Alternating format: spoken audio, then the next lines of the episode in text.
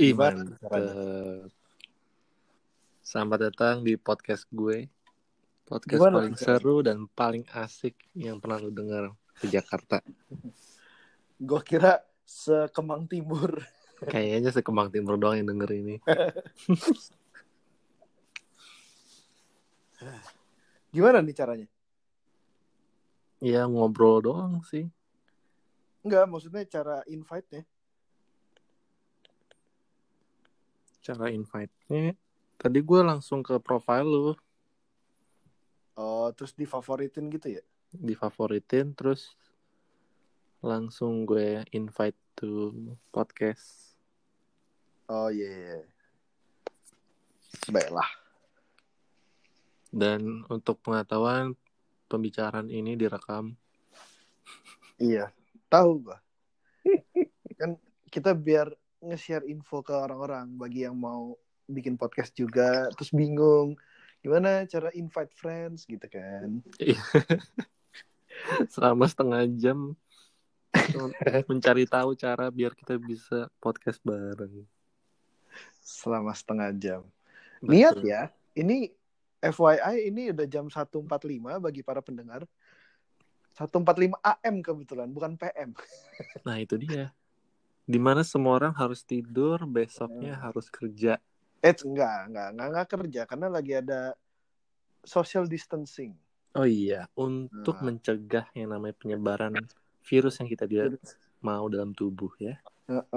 Untuk mencegah penyebaran virus corona semakin menyebar. Betul sekali.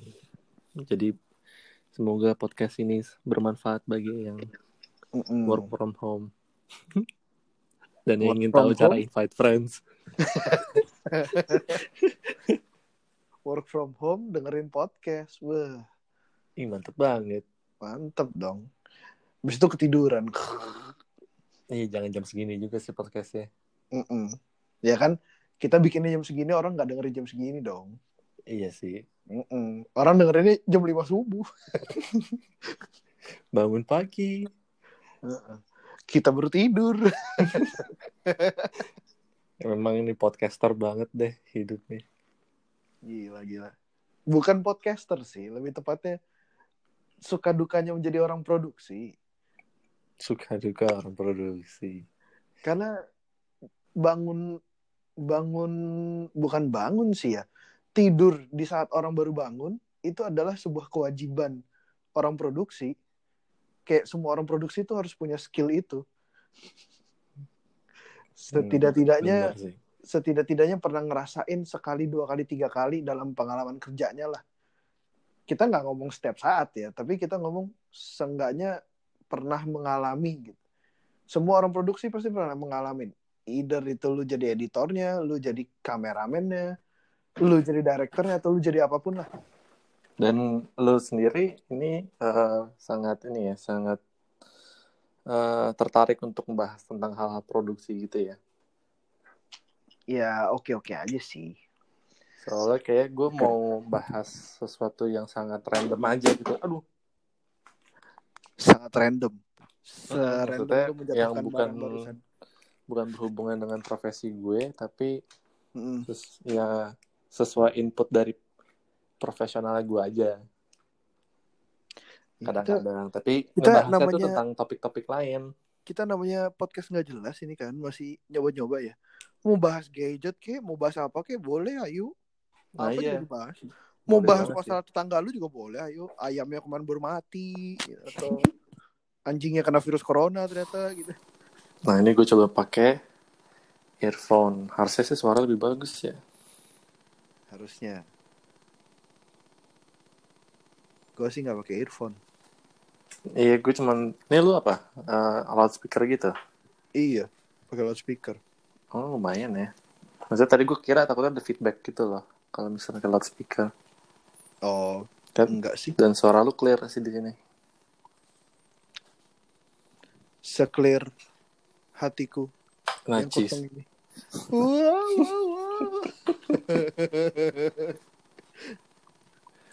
BTW ini teman kita yang mau kita dukung jadi seorang podcaster nggak datang. Iya kayaknya udah pingsan sih jam segini.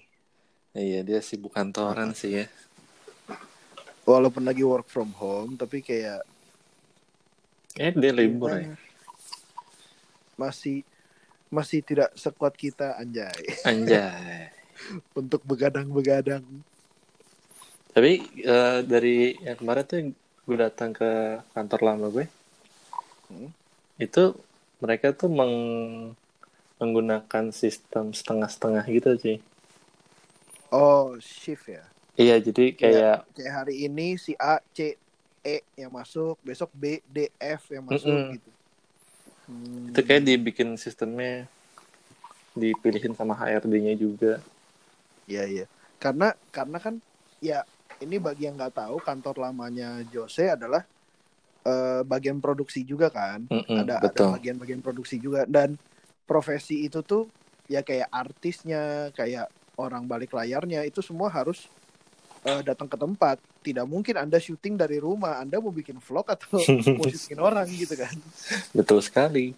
Heeh, jadi mau nggak mau kan tetap ada kegiatan yang diharuskan datang, diwajibkan datang. Iya, apa Heeh. jalur profesi kita itu di mana yang kita tuh nggak bisa mobile atau kayak di dua dua tempat dua tempat yang berbeda gitu loh, Mm-mm. ya kan? Mm. Karena karena yang gua tahu lagi ada proses syuting. Kalau proses editing mungkin bisa dari kafe, bisa dari rumah, bisa dari mana. Iya gitu iya, kan. Itu bisa banget.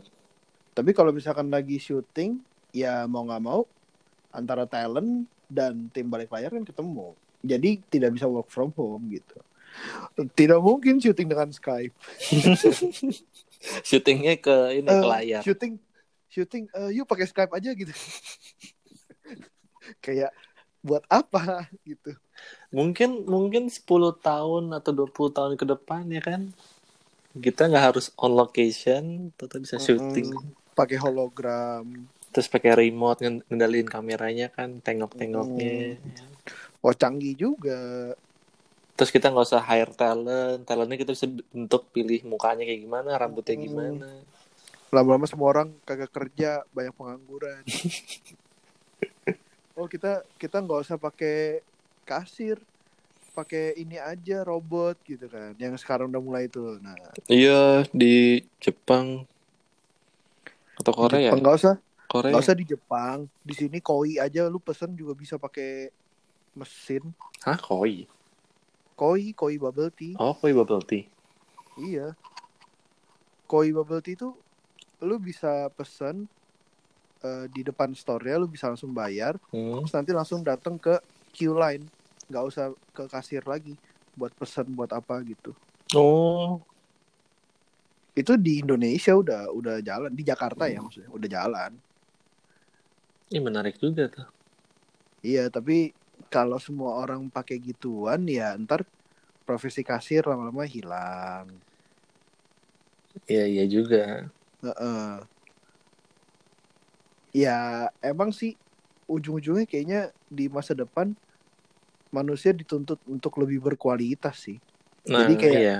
Kita kita jangan mengharapkan kita jadi kasirnya, tapi kita jadi pembuat mesin kasir yang pinternya gitu.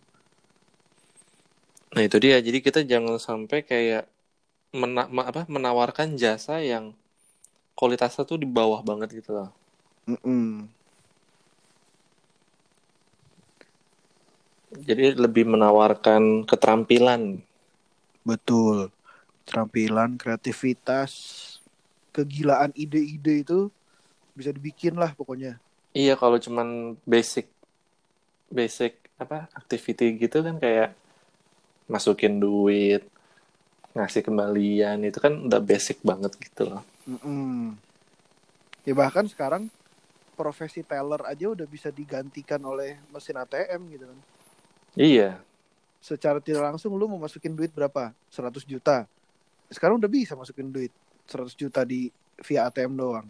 Nggak harus lu bawa duitnya ke teller dulu gitu. iya ngantri ngisi lembaran. lu lu tetap butuh teller di zaman sekarang lu tetap butuh teller tapi kayak untuk misalkan Buat- transaksi yang di atas 100 juta mau nggak mau lu ke teller gitu-gitu kan Iya, buka rekening Eh, baru. buka rekening baru apa segala macam ke CS gitu tapi buka rekening baru aja sekarang bisa dari aplikasi pak Iya, tapi lebih enakan langsung tau. iya lebih Kayak enak langsung. dikasih kartunya, buku tabungannya. yang yang menurut gua nggak bisa diganti adalah penjual baju karena ja- sampai zaman sekarang pun gue jarang belanja baju online Sama. sering sering banget zong gue berapa kali nyoba tuh eh, dari Zalora gitu gue sih bukan bilang barang Zalora jelek ya cuma pas nyampe kok kayaknya tiba-tiba jadi nggak sesuai sama badan gue yang bentuknya tidak indah ini gitu Iya, iya. Maksudnya kayak gue ngeliatin di online gitu, Instagram, bahkan kayak, ah gila nih keren banget. keren Apakah banget gue dengan badan gue bisa masuk ke size-nya mereka dengan modelnya mereka Mm-mm. gitu kan. Mm-mm. ternyata begitu dipakai zong akhirnya balikin lagi ke Zaloranya itu kan jadi kayak kerjaan buat si pengantar ya Iya dan kita juga yang pengennya kita terima langsung kita happy juga nggak bisa kan nggak puas gitu Mm. dengan Mm-mm. produknya. kita kita pas mau terima aja kita harus nunggu berapa lama terus kalau nggak sesuai mau balikinnya aja bikin janji lagi berapa lama sedangkan kita kayak kalau datang ke toko oh gue pilih yang ini pilih yang ini pilih yang ini langsung coba fitting room. Iya terus Ya, kayak ini ada ukuran sekecil- nggak? kecil- Ada ya, ukuran sekecil ini nggak? kecilnya Ada toko. warna ini enggak? Heeh, sekecil kecilnya toko baju macam di TC Mangga Dua dan lain-lain tetap ada fitting room gitu kan. Jadi, datang coba bagus beli nggak bagus coba yang lain lagi gitu sampai nemuin cocok gitu. Itu yang nggak bisa diganti tuh menurut gue fungsinya dan orangnya juga kita perlu kan nggak bisa Mm-mm. digantikan oleh mesin harus orang gitu kan. Walaupun gue jualan kaos online sih Ih langsung promo mantep banget nih dia intronya. Gila gila gila gila. tapi tapi gue gue tuh seseorang yang paling jarang belanja belanja on belanja baju online gitu Mm-mm. Nah kalau lu sendiri misalnya kayak kebanyakan kan toko-toko offline tuh pasti mereka juga buka lapak di eh, online ya. Mm-mm. Nah kayak lu pernah nggak sih kayak udah tahu gitu? Oke ini size-nya gue. Atau kayak Hmm. misalnya kayak yang sering-sering tuh di mall tuh kayak Azur, Azur gitu tau gak sih? Mm-mm. Yang ada kaos-kaos superhero Hmm, gitu. tahu Nah kadang-kadang mereka punya size tertentu gitu loh. Kayak lu bisa nggak sih kayak tahu gitu kayak size gue untuk me- merek ini L, size gue untuk itu XL. Nah, tapi problemnya adalah begitu dipakai di badan gue yang kurang indah ini, Hmm. pattern itu juga mempengaruhi. Jadi kadang begitu difoto karena modelnya memang bagus, dipakein apa aja bagus, jadi wah kelihatannya keren gitu ya. Oke deh, gue ambil nih yang XL misalkan, karena gue tahu nih brand brand B ukuran gue XL gitu kan. Hmm. Nah, gue gue pesen nih yang XL udah sesuai sama badan gue gitu. Tapi begitu nyampe ternyata motifnya nggak cocok. Kadang ada kejadiannya yang kayak gitu. Atau bisa juga ba- bahannya yang nggak enak. Hmm, Ya kenapa bahannya gini sih gitu. Gue kemarin sempat beli dari Zalora Bilabong gitu kan. Bilabong eh polo shirt gitu, model-model model kayak polo shirt lah. Yang ada di bayangan gue polo shirt yang ya yang biasa, yang yang reguler atau yang berbahan kaos gitu kan. hmm, hmm. Biasanya kan gitu. Nah, cuma kalau gue lihat dari gambarnya di Zalora, oh ini kayaknya polo shirt pada umumnya deh. Harusnya bahannya yang ada di bayangan gue kan bahannya harusnya oke gitu. Iya. Begitu nyampe bahannya nggak enak. Padahal patternnya oke, size-nya oke. Karena gue tahu size-nya eh, apa gitu kalau misalkan gue beli. Tapi ternyata bahannya gitu. Makanya tetap nggak bisa sih kalau menurut gue. Kalau fashion mungkin yang bisa dibeli adalah aksesoris, sepatu gitu. Iya, dan kalau kayak baju gitu, gue pribadi pun kayak gue ada bahan-bahan tertentu tuh yang gue kayak nggak bisa pakai gitu loh. Mm, Karena nempel di badan Kayak masalahnya. Ada yang kasar-kasar, tajam-tajam gitu kayak ini Iya. apaan sih? Gitu. Uh. Gue langsung copot, Uh. nggak, gue nggak mau beli gitu. Bagi beberapa orang itu comforting mereka, tapi bagi gue kayak ini apaan sih gitu. Mm-mm. Masalahnya nempel nempel ke badan itu hampir ke seluruh bagian tubuh gitu kan kalau kalau atasan tuh Iya dan tergantung ini juga kayak misalnya kayak gue pernah pakai satu baju di mana kayak Hmm. di uh, iklim sini tuh nggak enak. Tapi pas gue bawa ke Mm-mm. iklim yang lain tuh nggak apa-apa gitu oke. Loh Heeh, heeh. kayak aneh gitu bahannya tergantung sama suhu gitu. Iyalah. Terus ada yang gampang bau ada yang gampang ada yang nah. ada yang ketipisan ya kan? Iya. Jadi kayak emang better offline gak sih kalau baju sih? Iya itu itu profesi yang bakalan nggak nggak bisa mati sih. Mm-mm. maksudnya bukan profesi sih ya apa sih saya toko baju lah ya. Usaha ya. Usaha usaha yang usaha offline yang nggak bisa digantikan dengan teknologi apa pun kalau menurut gue. Iya. Ya maksudnya online itu cuman gitu buat kayak kayak apa ya kayak channel yang lain aja gitu loh bagi orang yang mau Iya. mengakses Heeh. atau exposure-nya mereka ke sana. kecuali nih kecuali eh, lu beli online karena ada promo voucher-voucher itu ya kan Mm-mm. Nah, tapi kalau menurut gue, gue pribadi gue akan tetap datang ke tokonya dulu.